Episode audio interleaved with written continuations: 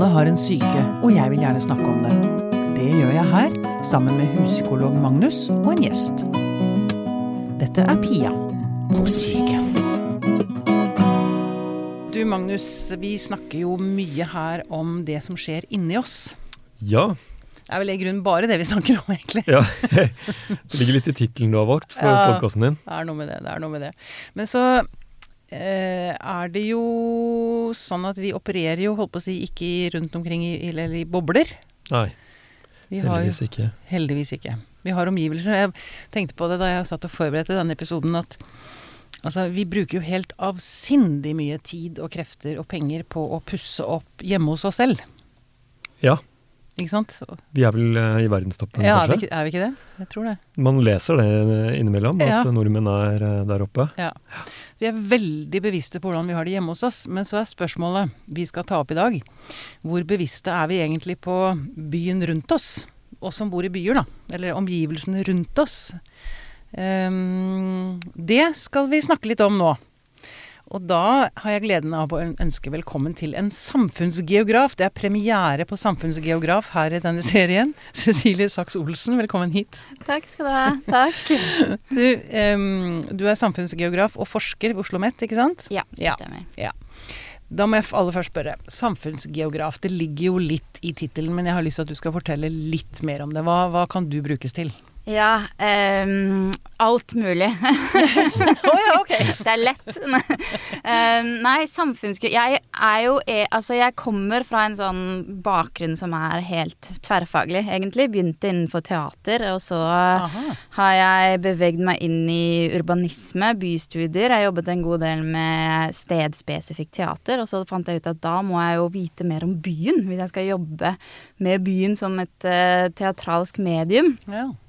Uh, og så var det at jeg da kom liksom borti samfunnsgeografi, da. Og geografi er et sånt fag som jeg sånn egentlig aldri helt har tenkt over som noe interessant, for å være helt ærlig. Sånn hvor ligger den elva og den hovedstaden og Hvor mange byer er det i Belgia? ja, nettopp. Sånne ting. Men så fant jeg ut at ja, samfunnsgeografi, som handler veldig mye om eh, vårt, vår forståelse av rom, hvordan eh, Altså romlige aspekter ved det å leve, egentlig. Og særlig da eh, samfunnsgeografi heter det i, i um, Norge. I Storbritannia så er det også en undergren, det er det vel også her, men den er ikke så utbredt, som heter kulturell geografi. Um, og den handler da særlig mye om også hvordan kroppen forholder seg til rom. Um, og Hvordan kroppen forholder seg til rom, ja. ja, eksempel altså embodiment snakker de veldig mye om. Um, affekt, altså emosjoner. Um, hvordan rom påvirker oss, altså som vi skal snakke om her i dag. Men nå, nå snakker vi om byrom, eller snakker vi om sånn som rommet vi sitter i her? Alt mulig. Med farger og lyd, og vi snakket om da vi kom inn, det er så deilig å komme inn i et lydtett, dempet rom. Ja. Mm. ja, det er alt mulig. Det er noen kulturelle geografer gjør um, forskning på hjemmet, Mm. f.eks. Hva har hjemmet å si? Um, vi snakker veldig mye geografi om skalaer, um, altså scale. Um, og da kan man jo zoome inn og ut. Man kan jobbe på verdensskalaen, eller man kan zoome helt inn på det personlige rommet Ja. man har hjemme i soverommet Mm. sitt, f.eks. Så det er utrolig bredt, og utrolig mye man kan som geografi favner, da. Ja. Så veldig mye, og det er litt deilig med den disiplinen, for det er litt sånn det er ikke så, Alt kan du på en måte putte i det, for alt er jo romlig, egentlig, hvis Ja, man tenker over det. Så det Ja, Ja. veldig Ja. Eh, eh, før vi går inn på, på egentlig grunnen til, her, til at du er her, du bare satte meg på en idé nå, en tanke, eller et spørsmål. Eh, jeg kan ofte oppleve at jeg kan bli stressa uten å skjønne hva det er for noe. Altså, det, det er rom Jeg tenker at veldig ofte har med akustikken å gjøre. Um, men at, at man Hvor bevisste er vi egentlig på hvor mye rommene påvirker oss? Det er veldig interessant, um, fordi jeg tenker at eh, noe av hovedproblemet, eller utfordringen i dag, Mm. er nettopp at rom er designa på en måte som gjør at vi nettopp ikke skal tenke over hvordan det påvirker oss. at alt skal okay. være på en måte seamless. Um, ikke sant? Vi skal, Ja. Det skal ikke være noen Ikke noe motstand? Ikke Nei, noe ikke noe motstand, ingenting. Sånn at alt bare skal være friksjonsløst og lett. Lett og enkelt. Um, og derfor også så tror jeg um, at vi er faktisk ganske fremmedgjort fra de rommene vi um, vi forholder oss til, da. Ja, men det, det høres nesten litt sånn kjønnsløst ut. Ja. Altså, at, at det blir litt For jeg, nå har jeg lyst til å spørre Magnus um, her er det assos, Den assosiative eh, klinker til nå. Um, vi har vel Sansene våre har vel godt av litt motstand. Eh, altså hvis det blir for eh, Sterilt. hom- sterilt og kjønnsløst, så får vi jo ingen Altså det blir jo ingen Vi blir ikke stimulert. Ja. Eh, nå slår det meg dette med Altså når man blir lagt inn på en psykiatrisk klinikk, så er det hvite rom. ja. Og det er man betong eh, og glass. Altså, eh, jeg kan ikke for mitt Altså, jeg forstår at man Det kan være vanskelig med masse ting og farge altså, at, ja. Men, men jeg, jeg forstår allikevel ikke at det gjør psyken godt. Da. Nei, og dette her er jo eh, egentlig et ganske stort tema. Mm. Fordi eh, at sy- psyken i litt sånn bred forstand har jo eh, eh, godt av å ikke omgi seg med ting som er for ensformig og for lite utfordrende. Og eh, bare for å, bare for å mm, eh, sette det inn på noe som er Rette det inn mot noe som er eh, i fokus om dagen, Mm, så er det jo dette med at vi lager veldig tette byrom mm, uh, uten, uh, og uten å ta hensyn til at man også trenger grønte arealer og bryte opp med natur. mm, Og der har det også vært fokus på at uh, man ser f.eks. en veldig stor opphopning av psykiske lidelser i, hos folk som vokser opp i betongjungler ja. uten nok grøntareal. Og nok Eh, og den kanskje. kan ikke den kan, Man kunne da tenkt at den, det lar seg alene forklare av at det er strøk hvor det er mye fattigdom og billige boliger, og at det derfor er eh, lidelser. Men man Mm. ser nå også at eh, det også er nok en selvstendig påvirkning det med at det er eh, grøntarealer. Ja. Eh, og det handler jo ikke nødvendigvis bare om Det handler jo om miljøet vi omgir oss med. Mm. Og det samme ser man også på har også vært et fokus eh, på psykiatriske avdelinger også, egentlig. Altså at man ser påvirkning av miljøet. eh, Kan være med på å redusere utagering og følelse av, følelse av å være på et sted hvor man er fremmedgjort. Fremmedgjort. Fremmedgjørelse var Eh, altså og, det jeg tenkte. Og, det også, eh, og der er det, tenker jeg, er det viktig at eh, man, man trenger penger da, til å bygge eh, lage bygg som er eh, stimulerende, og Mhm. som stimulerer til den type atmosfære vi ønsker. Mm, mm. Eh, ja. Og nå tror jeg, eh, ut fra det jeg har lest og det Cecilie har skrevet, så slår du inn åpne dører. Når jeg leser det du skriver, så opplever jeg at du ønsker å gjøre byene vennligere. Ja. Mer Eh. menneskevennlige. Mer menneskevennlige, mer omsorgsfulle. Mm. Um, det handler mye om omsorg. Det er spennende det du snakket om, nettopp det med um, Når man tenker byrom, da, så er de ja, som, som vi nettopp snakket om, de er veldig sterile. Det er veldig um, mange glossy fasader. Alt skal være nytt og skinnende. Mm. Um, jeg husker jeg bodde i Zürich, og i Zürich er jo en utrolig striks Bankbyen. bankbyen. Og. Eh, ja, og der er det jo glassfasader en masse, sant. Ja. Og det er shiny, shiny og Swarovski-juveler og what have you. Um, og en gang i året så har de en sånn paradefest som er uh, helt crazy. Folk går bananas. Um, en slags pride-prosesjon. og jeg husker jeg var til det, øh, og allerede når jeg var på vei hjem, det var kanskje om morgenen, så kjører disse bilene rundt for å spyle gatene og Ja. få vekk ethvert et hvert tegn på at noe annet har skjedd. Ja. Det er sånn tilbake til normalen, tilbake til normalen. Og det ser man hele tiden i byrom. At eh, med en gang vi har fått latt et byrom, så er det som at det skal vaskes rent. At det aldri skal ses at vi har vært der.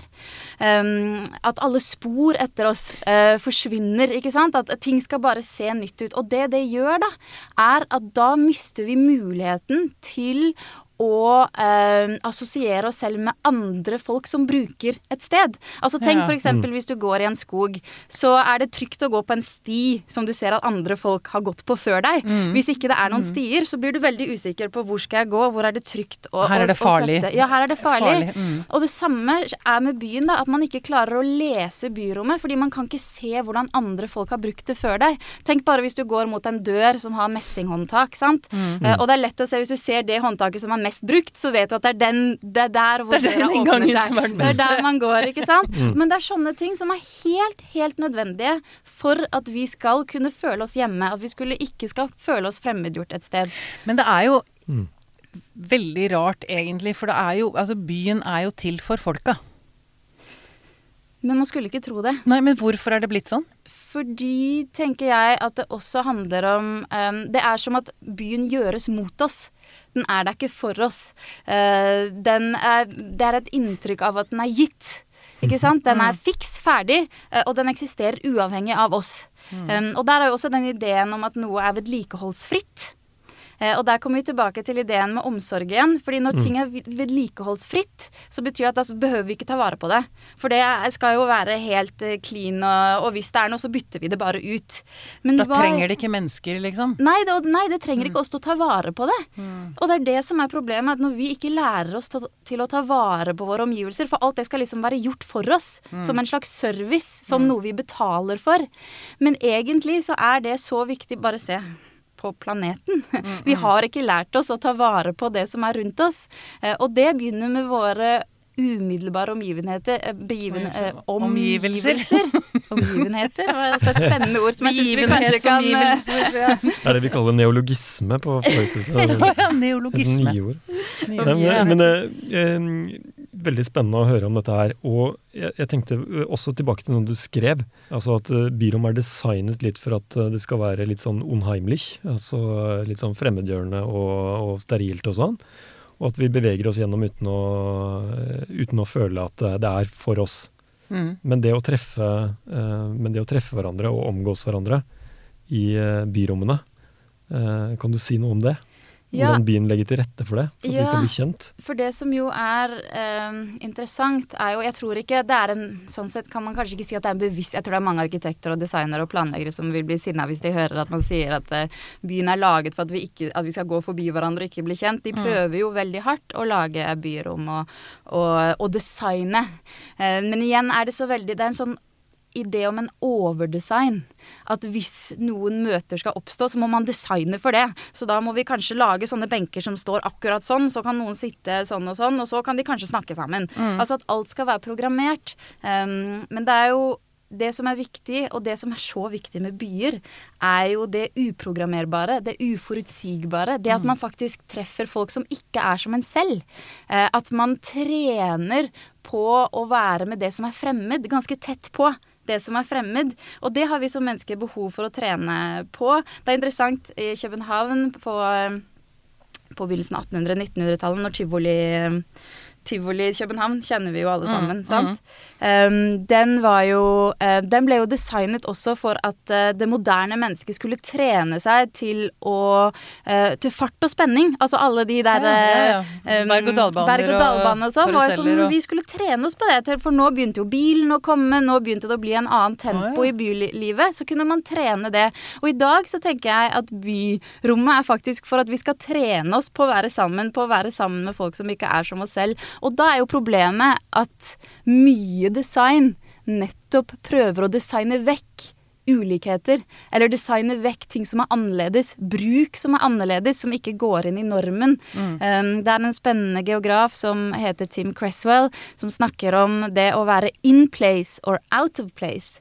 Eh, og han snakker om at byrom har sånne normer som er forbundet med dem. Sånn um, et kjøpesenter er for folk med penger som kan handle, ikke for ungdomsgjenger som har lyst til å henge rundt. eller drive med skateboardet sitt. Eller drive med skateboardet sitt. ikke sant? Du har togstasjoner er for folk som eh, er eh, på farta, ikke for folk som søker hus husly. Parker er for familier, ikke for Ikke sant. Og sånn, og sånn er det sånne normer som blir ehm, satt fast på byrom, som nettopp bestemmer litt eh, hvem som eh, hører til, og hvem som ikke hører til. Og dette gjøres også gjennom objekter i byrom, som jeg syns er så interessant, fordi eh, man lager et design som gjør f.eks. ikke sant, man kaller det fiendtlig arkitektur, og det sier jo litt, ikke sant, det navnet, hostile architecture. Nå skal vi gå inn for å bygge hostile architecture, er det det Ja, du sier? ja, man går ikke inn for det, men det har fått navnet, da. Men det går inn Altså, i London så var det noe som heter The Camden Bench. Um, som vant prisen, designprisen i 2011 for å redusere kriminalitet. Her snakker vi om en, en designa benk. Det var fordi den benken, det var en benk som var laget slik at man ikke kan ligge på den. Så eh, det er ikke, man kan ikke sove der. Eh, man kan ikke sitte for lenge på den heller. Fordi For den er vond? eh, Ja, den er vond å sitte på. Det går ikke an å tagge den. Det går i hvert fall ikke an å skateboarde på den og gjøre triks på den. Eh, de, det er ingen um, Den ingen- fungerer strengt tatt ikke som en benk i det hele tatt. Nei, på en måte kan du si det, men det var spennende da, at de sier at den på en måte den forhindrer kriminalitet. Og det samme ser vi jo nå med alle benkene som har fått armlener, fordi folk nettopp ikke skal kunne eh, ligge på dem. Um, og, og for oss som kanskje ikke har bruk for å ligge på dem, for oss som ikke har gått rundt i byrom en helt natt uh, uten å kunne sitte ned, uten å kunne ligge ned og har så vondt i ryggen og har virkelig behov for å bare ligge et sted eller sitte et sted, så tenker ikke vi over det. Fordi vi bruker ikke uh, byen på den måten, men fordi det er retta mot. De ser det jo Mm. med en gang. Ja. Og de opplever denne ekskluderingen med en gang, mens vi får på en måte ikke mulighet for å stille spørsmålstegn ved det engang. Nei. Men er dette et tegn på at, altså, at blir rommet til mennesker mindre og mindre? Altså, er, vi blir vi så, er vi så redde for uteliggere, eller altså, folk som faller litt utenfor normalen, da?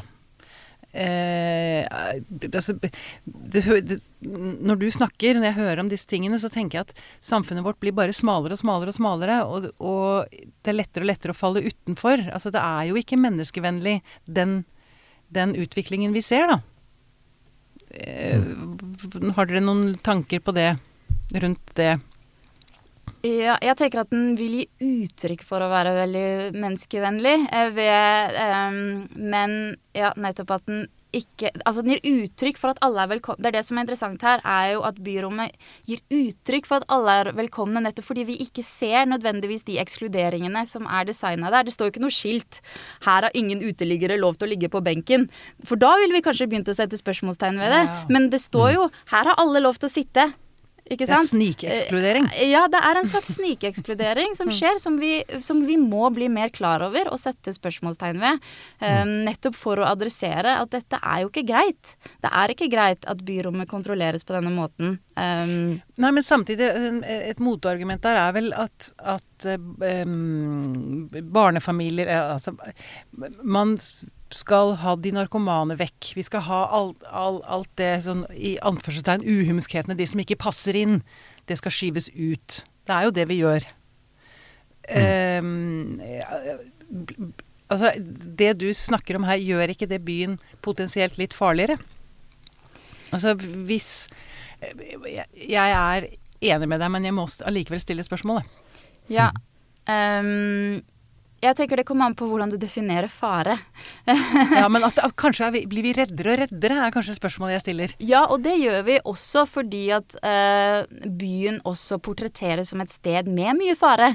Eh, det er jo at eh, Altså, byen er jo et, et sted for trusler. Det så vi etter 9-11, på en måte, hvor, eh, hvor krigen ble flyttet inn i byen. Og siden da Det er også noe som heter the new military urbanism, eh, som nettopp handler om hvordan et slags krigsspråk er kommet inn i hvordan vi forholder oss til, til, til byen. The war against drugs.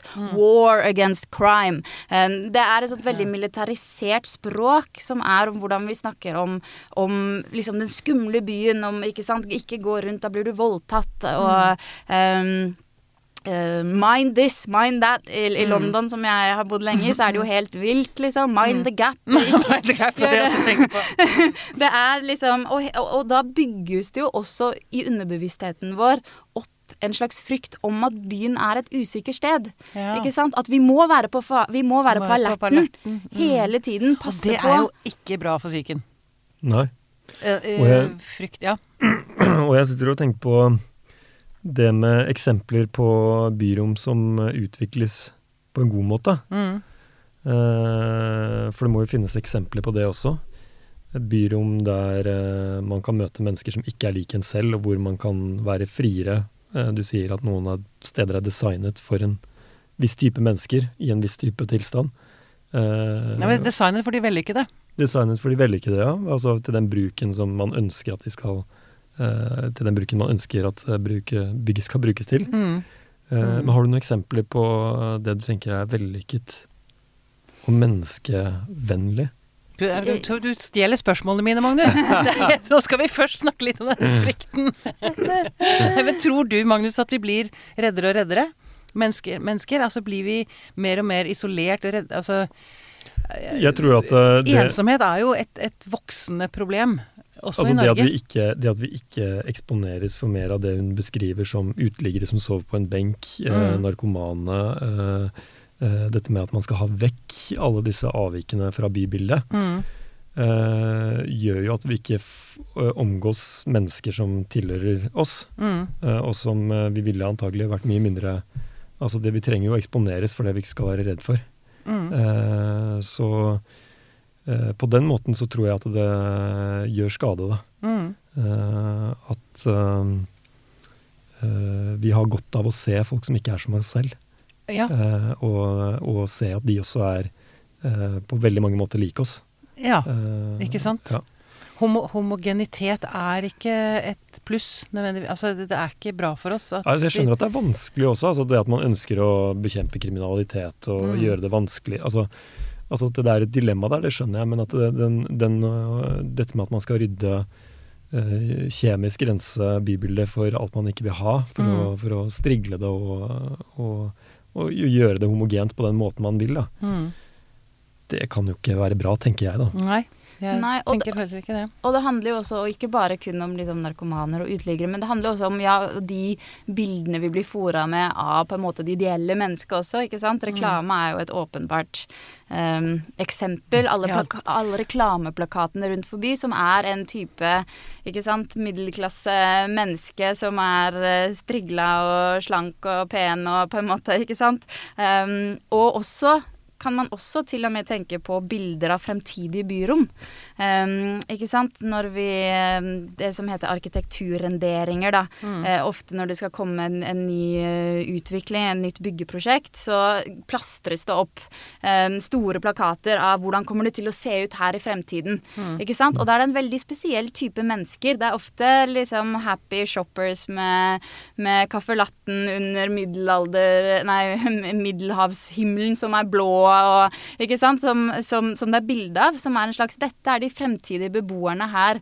Dette er de Ja. vi bygger for. Ja. Og sånn, og hvem er det? Det er ikke meg. Det er ikke Nei. jeg som står her med bikkja ikke sant, og en sliten Fett hår og og fett hår. Det er ikke jeg. Jeg er ikke den eh, dama der med, med caffè latten.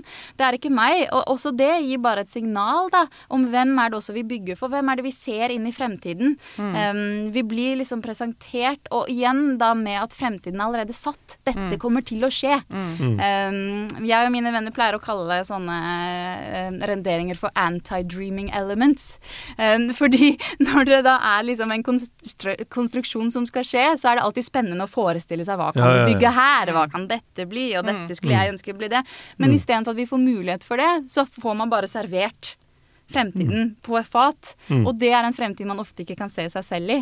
Mm. Um, Det er så også for et ganske også fremmedgjørende. Det er veldig, veldig Mm. fremmedgjørende. Mm. Em, eh, og nå mista jeg tråden. Jo, eh, du var inne på dette med altså, eh, Dette også med at byen eh, retter seg mot forbrukere. Veldig, det er utro... Det har jeg også tenkt på. Altså, jeg husker jeg leste om en for mange år siden som hadde vært i et Bodd noen måneder i et østblokkland. Og som ikke skjønte det før hun bodde der, hvor utrolig mye reklame vi utsettes for her. For der var det ingenting. Og for en frihet det var. For en, for en, for en fred hun følte. For hun slapp å bli angrepet av alle disse alt, Det er så mange som skal ha oppmerksomheten din hele tiden. På trikker, på boards, på altså, Overalt så er det noen som skal selge deg noe. Mm. Og så blir du jaggu angrepet av eh, folk på gata òg, som skal selge deg noe. Eller ha deg til å støtte noe, en god sak. Det er derfor man har biblioteket. Da kan man gå inn eh, et sted hvor det ikke forventes at du bruker noe penger. Godt poeng. Der kan man slappe av. Veldig deilig. Og du snakket om et sted som du sier fungerer. Ja. Eh, Så vil jeg bare si å dra fram bibliotekene. Mm. Ja. Hvor viktige de er. Hvor Ah. fantastisk eh, Hvor fantastiske steder det er. Hvor man Mm. kan komme og være så lenge man vil. Man kan sitte, ligge, Mm. lese. Altså, det er Jeg har tenkt på det mange ganger. Ja. Mm. At det er annerledes, et annerledes sted Mm. eh, i et bibliotek i byen. Mm. Og det har vi bruk for. Mer sånne type steder hvor det nettopp ikke er noen krav for at man skal kunne eh, bruke penger for å være der. Um, og hvor man kan Man kan vel kanskje også diskutere hvor eh, heterogene bibliotekene er. Eh, men allikevel så er det i hvert fall eh, sånn som på Oppsal, på Deichman på Oppsal, så er det jo alle mulige community groups som bruker det. Ja. Um, og leksehjelper og språkhjelp og Altså, det er helt, helt Mm. fantastisk. Mm. Um, så det syns jeg også jammen meg også Oslo og Norge skal ha, for Mm. det har vi klart utrolig bra å skape bra. sånne, Mm. sånne Mm. rom. Mm. Vi, eh, har snakket litt om ytterpunktene. Altså, vi har den vellykkede bankmannen slash kvinnen med caffè latten i hånda, som er liksom byen som er bygget for. Mens uteliggeren, narkomane, faller helt utenfor. Men gruppene imellom, jeg tenker på de unge og de gamle.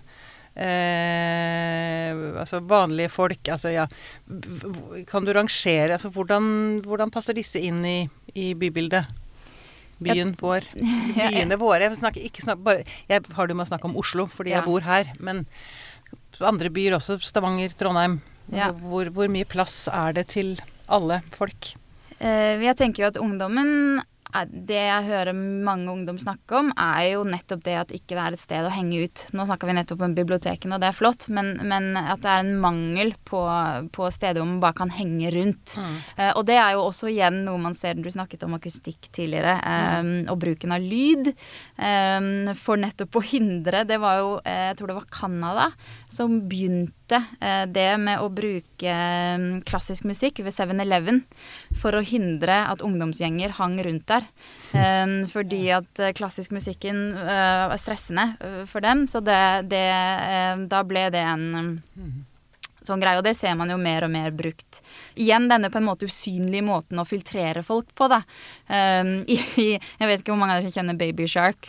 Da, hvis man har barn, så kjenner man den der Baby. Shark-sangen. uh, I LA havnefront, der bruker de den for å hindre at eh, folk henger rundt. Um, så det er jo også um, Ja, så hvis vi tenker på unge, så tenker jeg også at de ofte blir marginalisert også i, i bybildet. Og, um, og eldre, selvfølgelig. Um, der handler det igjen også om å ha nok av benker og steder hvor man kan sitte. Og hvor mye betyr ikke det for en eldre person å bare kunne gå ut og sitte på en benk og se på livet. Um, og det kan man jo si at det er fullt mulig her, da. Men Ja, men for å gå tilbake til spørsmålet til Magnus, da. Har du noen eksempler på annet enn biblioteker? Altså, for ta Oslo, da, fordi jeg bor her og jeg kan relatere lettere til områder, eller er det noen områder du tenker fungerer bedre, er mer menneskevennlig enn andre i, i Oslo? Ja, jeg tror jeg skal være forsiktig med å lage et hierarki av, av steder. Um, jeg, tror, jeg tror ikke det er noen idealistiske steder i det hele tatt som på en måte alt funker, men, men det er jo mange gode steder. Jeg liker jo Loseter. det er også fordi jeg er eh, Altså som er den um, Loseter, er det ved Bjørvika? Ja, Den- ved Bjørvika. Den, ja, der var jeg. Her forleden for første gang. Det var veldig fint. Ja, for du snakket jo om um, grønne steder i byen. Eh, og Loseter var jo på en måte en av de første stedene hvor det var det med urban gardening. Ja. Um, og der kommer vi igjen litt tilbake til det der med omsorg. Take Ja. care. Kan vi bare, bare fortelle litt mer om hva Loseter er, Ja. for folk som ikke kjenner det? For Gjør det. dette her syns jeg også vi burde løfte frem. Altså faktisk så var det et kunstprosjekt. Var det det det som var, ble starta eh, av bl.a. Anne Beate Håvin um, back in the days. Um, hvor, og det viser også litt om kunstens rolle når det gjelder å skape andre måter for sensibilitet i hvordan vi utvikler byer. Um, og da var jo Loseter et sted uh, som det skulle komme en utvikling på, ikke sant. De skulle bygge Bjørvika. Um, så, så Loseter, det med å Så det skulle være en sånn midlertidig bruk på det stedet. Og da var det kunstnerne kom inn og begynte å på en måte grave, bokstavelig talt grave, men også grave i historien, og fant ut at guri, dette var jo en, en mark før i tiden hvor man dyrket korn. Mm. Um, og, og, kom da på den ideen om at hva hvis vi lager en gård her, og alle var bare Det er helt uhørt. Mm. Liksom, hva skal vi gjøre med en gård her, og det gir ingen mening. Um, og de gjorde det, uh, og det er blitt et utrolig fint prosjekt som fortsatt er der. Um, og som jo nå Oslo kommune, ikke sant, når de var miljøhovedstad, brukte som et av sine hovedbilder. Så mm. har du mm. bilde av Loseter der som et eksempel på den menneskevennlige byen mm. Oslo. Um, ikke sant? og det viser også hvor kanskje man hvor det å tenke annerledes om byutvikling og ja. formingen av byrom, hvor det ligger, hvor det potensialet ligger. Og det mener jeg ganske ofte ligger i kunsten, ja. som har en annen måte um, og altså en, Det er ikke den rasjonalitetslogikken Nei. som preger Nei. veldig mye, men mm. det er en helt annen sensibilitet, og man jobber med helt andre, også kroppsliggjørelser. Mm. Um, av de stedene man forholder seg til. Da. Ja, og det virkelig kan anbefale det. altså Loseter ligger bak Sørenga. Mm. Eh, gå ned og tus tusle rundt der. Ja. Og da er det sånn man føler at man, sant, man kan grave i jorda. Det er skitt man ser spor etter. Mm. Man, der kan man se spor etter andre. Um, det er litt sånn forskjellen på Jeg kom på et eksempel som jeg, som jeg glemte å si i stad. Det med at um, hvis man bor i en leilighet uh, som man leier, da, mm. si, um, så, og alle veggene er helt hvite og fine, Eh, så er det veldig liten sannsynlighet for at Eller i hvert fall mindre sannsynlighet for at man begynner å spåre og skru hull. Og henge opp ja, og bilder henge, og, og, gjøre det til mm, sin mm, eget. Mm, enn hvis det allerede er noen hull i den og en og annen flekk og Ja, en annen flekk. Så sa han ok, men da henger jeg det bildet mm. her, selv om jeg bare leier det. Og det er noe med det at man må gis muligheten til å henge opp det bildet. Mm. Til å se at andre har brukt det før. Det betyr at jeg også kan bruke det. Mm. Eh, det betyr at vi er et fellesskap. Vi bruker ting sammen. Vi tar vare på ting sammen. Um, og det er noe vi gjør. Det er ikke bare noe som er gjort til oss eller mot oss, og det er viktig. Det holder jeg med deg i. Og jeg lurte på eh, Jeg bor jo rett ved Sofienbergparken her på Grünerløkka. Og nå i sommer, når eh, det begynte å slippe opp litt, eh, disse reglene, eh, så var det jo veldig mye festing. Og når jeg kom ut tidlig om morgenen med hunden min, så var det så mye søppel. Dette var jo en del nyhetssaker om det nå i sommer. Og så gikk jeg og tenkte altså det så virkelig ikke ut. Og så tenker jeg jeg gjorde da ikke sånn da jeg var ung. Altså, jeg bare lurer på dette som du snakker om omsorg for byen mm. vår. Hvis eh, Hvis eh, hvis det blir for strigla, hvis politikerne, eller hvis, hvis, kommunen tar for mye ansvar, så er det som de tar vekk ansvaret fra oss. Altså Det virker som om altså, Det, si, det er gjensidig forsterkende, det der. Hvis andre gjør jobben, så slutter vi å gjøre det selv. Mm. Og dette med å få omsorg for uterommene våre også. Det, det, det, tenker jeg også er veldig bra for, for vårt indre, mm. Magnus. Mm. Se på deg nå. Ja, nei, jeg kom til å tenke på noe Jeg vet ikke om det er helt i hjertet og du tenker på nå, men Nei, men det spiller ingen rolle. Men uh, for 15 år siden eller noe sånt, så leste jeg en kom jeg på en artikkel i Economist som skrev om en, en, studie som var gjort. Jeg tror den var gjort i Nederland. På, på et, de, hadde, de, hadde, undersøkt et sted hvor det nettopp var et område de overvåket med video hvor de hadde først vist stedet veldig lite omsorg. Og på dette stedet var det noen sykler parkert, det var litt forskjellig. Mm. Og så tok de og forsøplet stedet. Forsøplet stedet. Mm. Jeg tror det også var noen tagginger involvert og litt sånn forskjellig, som gjorde at det så litt sånn ut som et sted hvor man gjorde som man ville. Uh, og så hadde man det samme stedet også hvor det var mer, uh, hvor det var mer, vist mer omsorg for det. Uh, og så at kriminaliteten økte når det var forsøplet. da, At uh, folk uh, gjorde mer. Det var mm. flere normbrudd innenfor det stedet. Ja. jo mer det så ut som det var vanskjøttet. da. Mm. Og det ble jo brukt i den diskusjonen og den studien som et eksempel på nettopp det der med jo større omsorg det er for omgivelsene, jo mer omsorg viser også folk som tilfeldigvis oppholder seg der. Mm. Eh, og det sier jo, tenker jeg, bare litt om eh, viktigheten av at vi i hvert fall eh, Kanskje viktigheten av at vi eh, viser omsorg for omgivelsene våre, da. Og at, eh, at vi bærer preg av det. Og for da, på den måten så gir vi jo også hverandre omsorg på en eller annen måte.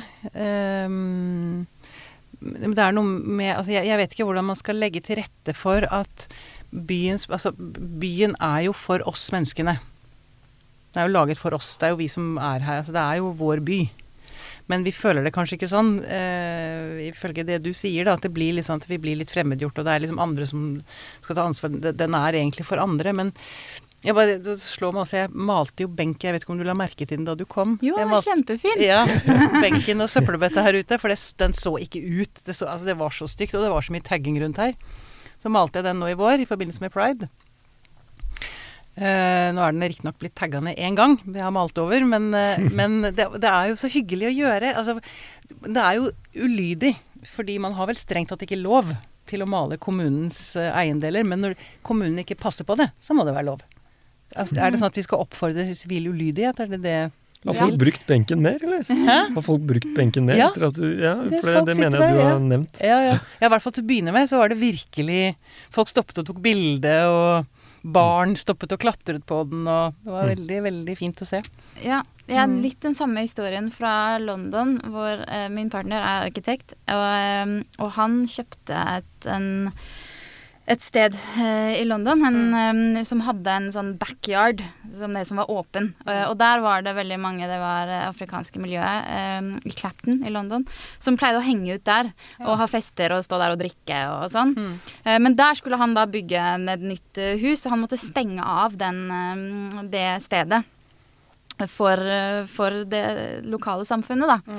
Men så tenkte han nei, skal, da skal jeg gi noe tilbake. Eh, fordi nå tar jeg vekk eh, noe. Eh, da vil jeg gjerne gi noe tilbake til dem. Og der var det noen sånne stolper, sånne bollards heter det, som var på utsiden. Som er sånne sorte som hindrer at biler skal kjøre gjennom, for det var en blindvei. Um, og der bare tenkte han gud, jeg bygger et bord ut av de, de der bollards. Så gjorde han det, som så ut som at det var kommunen som hadde, som hadde bygget det. Så det så ut som et helt sånn kommunebo på en eller annen måte. Og der begynte da lokalsamfunnet å samle seg istedenfor. Ja. Og der, det ble et sånt helt møteplass hvor da uh, Hvor um, de begynte å feire bursdager, og det var liksom Der henger vi ut. Um, selvfølgelig ble det etter hvert et problem for oss, for det ble så mye bråk.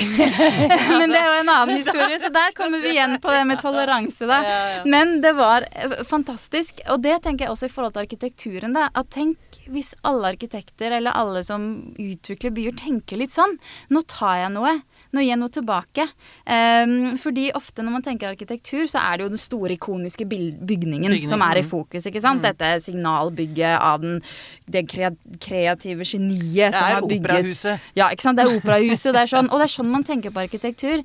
Men nå er det en strømning innenfor arkitektur som snakker om architecture of care.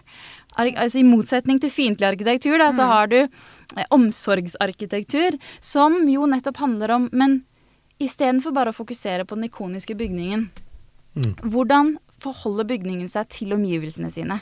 Eh, hvordan forholder bygningen seg til de som jobber i bygningen, de som bor i bygningen? Før bygde man jo steder for å bo, nå bygger man steder for å tjene penger. Det er jo ikke rart at livskvaliteten vår har gått ned.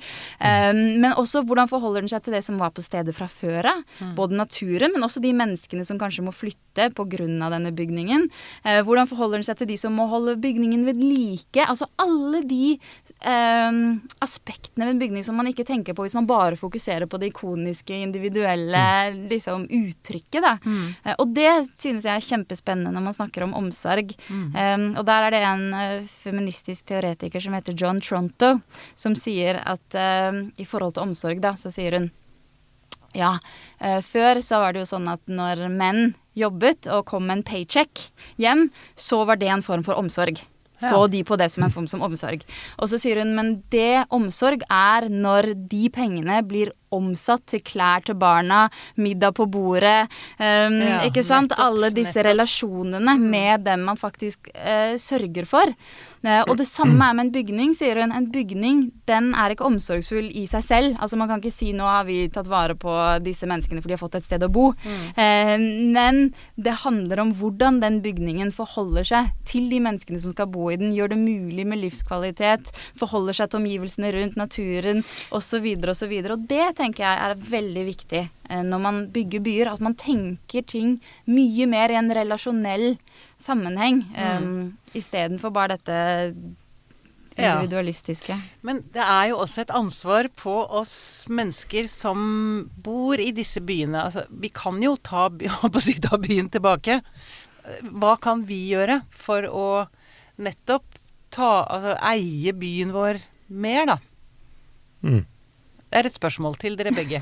Jeg skjønner at det ikke finnes noen fasit, men det er alltid, alltid gøy å løfte frem sånne store Nei, altså det, det, er, det, er, veldig Jeg er spent på å høre ekspertens uh, svar på det spørsmålet. Jeg tenker på Jeg jobber i Nydalen, uh, og Nydalen Store bygges det jo veldig tett. Mm. Veldig Jeg vet ikke hva som, er, hva, hva som vil være riktig uh, begrep å bruke om det, men det er veldig ensartet bygging da, av veldig ganske høyt og tett.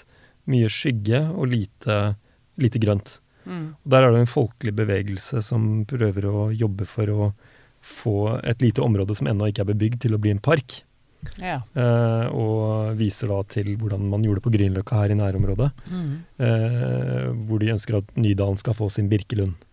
Ja. Eh, og eh, den prosessen går jo, men da er det jo store markedskrefter i sving mot, uh, mot, vanlige folks ønske om å få en, ja. en liten grønn flekk. Ja. Som jeg syns er egentlig litt krise at man ikke har planlagt. Mm. Altså Det er snart ferdig utviklet, og da kommer det til å vokse opp en masse, masse mennesker der som uh, får lite sol og lite natur. Uh, lite natur. Mm. Uh, så jeg er spent på å høre hva Ja, jeg må jo si jeg For det er én ting vi kan gjøre, det er å protestere. Altså, ja. Det, ja. Og, men man kan også være smarte med hvordan man protesterer, ah, eh, tenker jeg. Det er bra. ja, nå er jeg eksperten på hvordan protestere smart. Men eh, jeg har jo i mange år eh, jobbet Jeg har et kunstnerkollektiv. Jeg begynte å snakke om kunstens rolle i dette her. Um, jobbet med et kunstnerkollektiv som nettopp hvor vi har jobbet med medvirkningsprosesser. Mm. Hvor vi har brukt kunst for å få folk Å gjøre folk oppmerksomhet nettopp på disse mekanismene. Um, ved å gjøre medvirkningsprosesser hvor vi får folk til nettopp å stille spørsmålstegn ved Uh, hvordan de opplever byen, hva, mm. hvordan har en innvirkning på dem, og hvordan de selv kan agere for å, for å um, endre på dette. Og dette er også et, et, ut, et utdanningsprogram som jeg har laget, eh, som heter Urban Interventions. Altså byintervensjoner. Som, hvor jeg oppfordrer faktisk studentene til å gå inn i byen og gjøre kreativ og, og prøve å lese byen. Finne områder som de tenker Gud, her kunne vi gjort noe ja. som kunne faktisk endret dette, no. mm. dette stedet. En liten intervensjon. Mm. Om det er å lage en flaskepost i en fontene. Uh, som, hvor man kan dra inn og, og skrive mm. beskjeder til hverandre. Mm. Eller uh, altså Det henger en beskjed på et busstopp. Uh, altså, det høres banalt ut, men det er noen sånne små Småting. steg. Det er som disse telefonkioskene med bøker. Ja. ja. Det er også en veldig minibib. fin minibib. Men det er jo sånne ting kommer jo ut fra at man nettopp bare har tatt saken i egne hender. Mm. Og, man, og, nå vil jeg ikke si, for jeg vil selvfølgelig ikke si at ikke dette er strukturelt. Selvfølgelig må det skje endringer på et strukturelt plan. Mm. Um, så dette betyr ikke at ikke det skal skje endringer på strukturelt plan, at alle må ta vare på seg selv, for det er jo en del av hele den neoliberale på en måte logikken. Men det jeg sier at i hvert fall at dette er Det som også er så viktig, er at folk blir obs på det. Ja. For nettopp det som er problemet, er hvis man ikke stiller spørsmålstegn ved det, eller mm. ikke blir gjort oppmerksom, oppmerksom, på det, så mister man nemlig evnen til å ville faktisk gjøre noe. Og da blir mm. også presset på det strukturelle systemet mm. også mindre. Um, så det handler også om å gjøre ting som, som får oppmerksomheten um, mot Jeg tenker, den, jeg tenker bare den derre Det du åpnet med å si, da som jeg syns var veldig fint, dette med at uh, istedenfor at vi skaper vår by, så uh, får vi byen mot oss. Eller at mm. byen blir gjort mot oss. Mm. Det, det, blir på en måte noe vi får i fleisen litt, da. Uh, og, uh, og, så har du nevnt nå flere, flere ting som handler om kreativitet. Uh, og det motsatte av kreativitet det er den byen vi får i fleisen, med ferdige drømmer på en plakat om mm. hvilke mennesker som skal bo her, og hvordan, hvordan dette skal se ut. Som, som jo virker som plombering da, på kreativiteten. Mm. Eh, for det vi trenger, er jo selvfølgelig eh, å kunne projisere drømmene våre ut og, og eh, fra, fra innenfra. Ja. Og det er jo en kreativ prosess, ikke sant. Mm. Så eh, da er det jo eh, Da er det jo sånn at eh, det gir veldig mening, da, som du sier, det der med at kunsten og kreativiteten blir en viktig en, får en nøkkelrolle i dette her. Eh, så hvordan tenker du egentlig at det perspektivet skal komme tydeligere inn i, inn i korridoren, maktens korridorer, eller eh, at det skal bli en litt sånn rådende da, for hvordan man tenker byutvikling? For nå får man litt inntrykk av at det er et stort eiendomsfirma som eier masse tomt, og som presser politikerne til å få, kunne få bygge så høyt og tett som de vil, og akkurat så billig de vil, og så rasjonelt de vil. da. Mm. Um, ja, og det tenker jeg bare for å si det med kreativitet er et key, som de sier. Fordi kreativitet handler jo også om å kunne bruke ting ikke sånn som det er tenkt. Mm. Um, og det tenker jeg også er så viktig, at vi lærer oss på en måte nettopp med det at objekter har ikke bare én funksjon. Sant? Mm. Ikke sant? Uh, hvis Si at jeg har en kopp te, og så har jeg noe sukker, og så har jeg ikke en skje for å røre ut det sukkeret. Uh, så er det kreativt å tenke å ja, men da kan jeg bare ta kniven og røre. Men Mm. ikke sant? hvis ikke det er noe kreati kreativitet der, så kommer jeg ikke på den muligheten. Um, så det er noe med det å kunne Og det igjen handler jo om å ta et eierskap, da. Um, men så hvordan kunsten kan gå inn i dette på en måte mer systemisk, så tenker jeg jo at uh, Jeg er jo veldig for å ha kunstresidens i et planleggingskontor. At uh, sammen med planleggerne Ja. så sitter det en kunstner som er der i kraft av å være kunstner. Ja. Og er med på møtene og er med og bidrar med det perspektivet. Mm. Eh, og jeg er jo veldig Jeg jobber en del eh, med, med KORO, altså kunst i offentlig rom, som nettopp nå har begynt også å fokusere mye mer på byutvikling, og hvordan kunstnere kan være en del av byutviklingsprosesser. Um, og særlig også i forhold til medvirkning, og skape um, formater da, hvor folk også kan være med på en annen måte og, og si sin mening om hvordan ting skal være. Så jeg føler det er veldig mye spennende som skjer nå. Det er mange eh, gode, eh, gode initiativer. Um, apropos godt initiativ, så var jo jeg kurator for Oslo arkitekturtrinale i 2019. Og, og der var det også nemlig det at istedenfor å presentere disse på en måte plansjene og renderingene og arkitekturmodellene hvor det var bygningen i fokus, så fokuserte vi nettopp på kunst. På teater. På å la folk selv eh, få oppleve en byggeplass. Mm. Vi gjorde Nationaltheatret om til en byggeplass, hvor man gikk inn i byggeplassen. Og der møtte man forskjellige historier. Man møtte f.eks. den polske arbeideren som jobbet ulovlig, og hva det innebar med overtidstimer og et forferdelig på en måte eksistensiell angst. Eh, Man møtte eiendomsutvikleren som ville tjene penger på det her. Og, altså, men man fikk mange forskjellige personlige historier som knyttet til dette, som gjorde disse abstrakte temaene helt konkrete på et menneskelig plan. Um, og det tenker jeg også er så viktig med disse historiene, da, at de kommer frem. Um, og et annet eksempel som jeg bare ville si i forhold til hva teater kan gjøre, er jo nettopp det med å vise um, at våre omgivelser nettopp ikke er gjort mot oss, men at vi faktisk gjør dem, at vi kan gi dem mening gjennom våre sosiale praksiser. Og det er et godt eksempel hvis man Nå kan dere forestille dere alle sammen at dere er på teater. Um, og på scenen så står det en stol. En ganske vanlig trestol. Um, men inn på scenen kommer da hun som spiller dronningen. Eh, Og hun setter seg på denne stolen, og da er vi alle enige om at det er en trone. Det er en svær trone, og den har jo ikke endret fysisk form, men vi er alle enige om figuren har endret Figuren eh, har endret eh, stolen, Mm, og stolen, eller handlingen har endret meningen til tingen. Ja. Og det tenker jeg, det gir oss et aktørskap. Ja, Det gir oss en mulighet, fordi våre handlinger i byen kan faktisk endre dette. Ikke sant. Um, og det er, så det er håp. Er- dette her Og jeg tenker at det er, det er et veldig viktig sånn fokusskifte, tenker jeg. At man tenker at det er jo min by.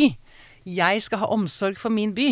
Ehm, Og så jeg tenker at det må være avsluttende oppfordring til lytterne. Altså, se deg rundt, og se Hva ser du for noe? Altså, det må være første skritt. Hva ser du? Hva reagerer du på? Hva liker du? Hva liker du ikke? Hvordan forholder du deg til det?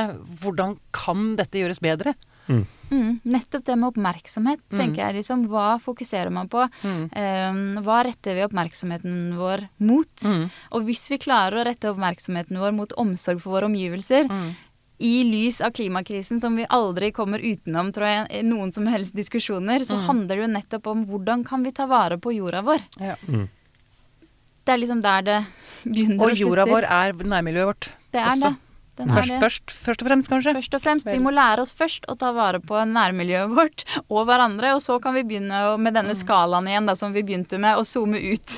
Ja, ja. Men det er, jo det, lille, det er jo i det lille det begynner. Det er altså, man må det. begynne i det lille. Nettopp det. Kan ikke ta hele kloden på en gang. Det går Nei, ikke. Da og begynne med oss selv og Og så kan vi være, og så er det veldig fint at du inviterer oss til å være mer kreative enn kanskje Ja. omgivelsene innbyr til. Det er vi for. At vi må, at vi må utvide det. Ja. nettopp. det Veldig bra. Så nå tenker jeg vi ser et skred av eh, rare installasjoner og kunstprosjekter rundt omkring i Norges byer.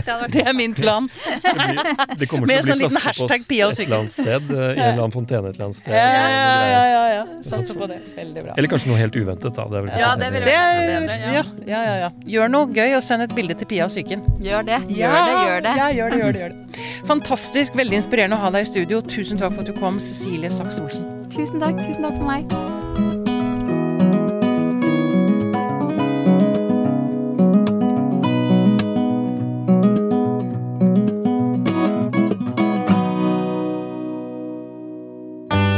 Denne podkasten er produsert av Tid og lyst. Med støtte fra stiftelsen Kåre Berg.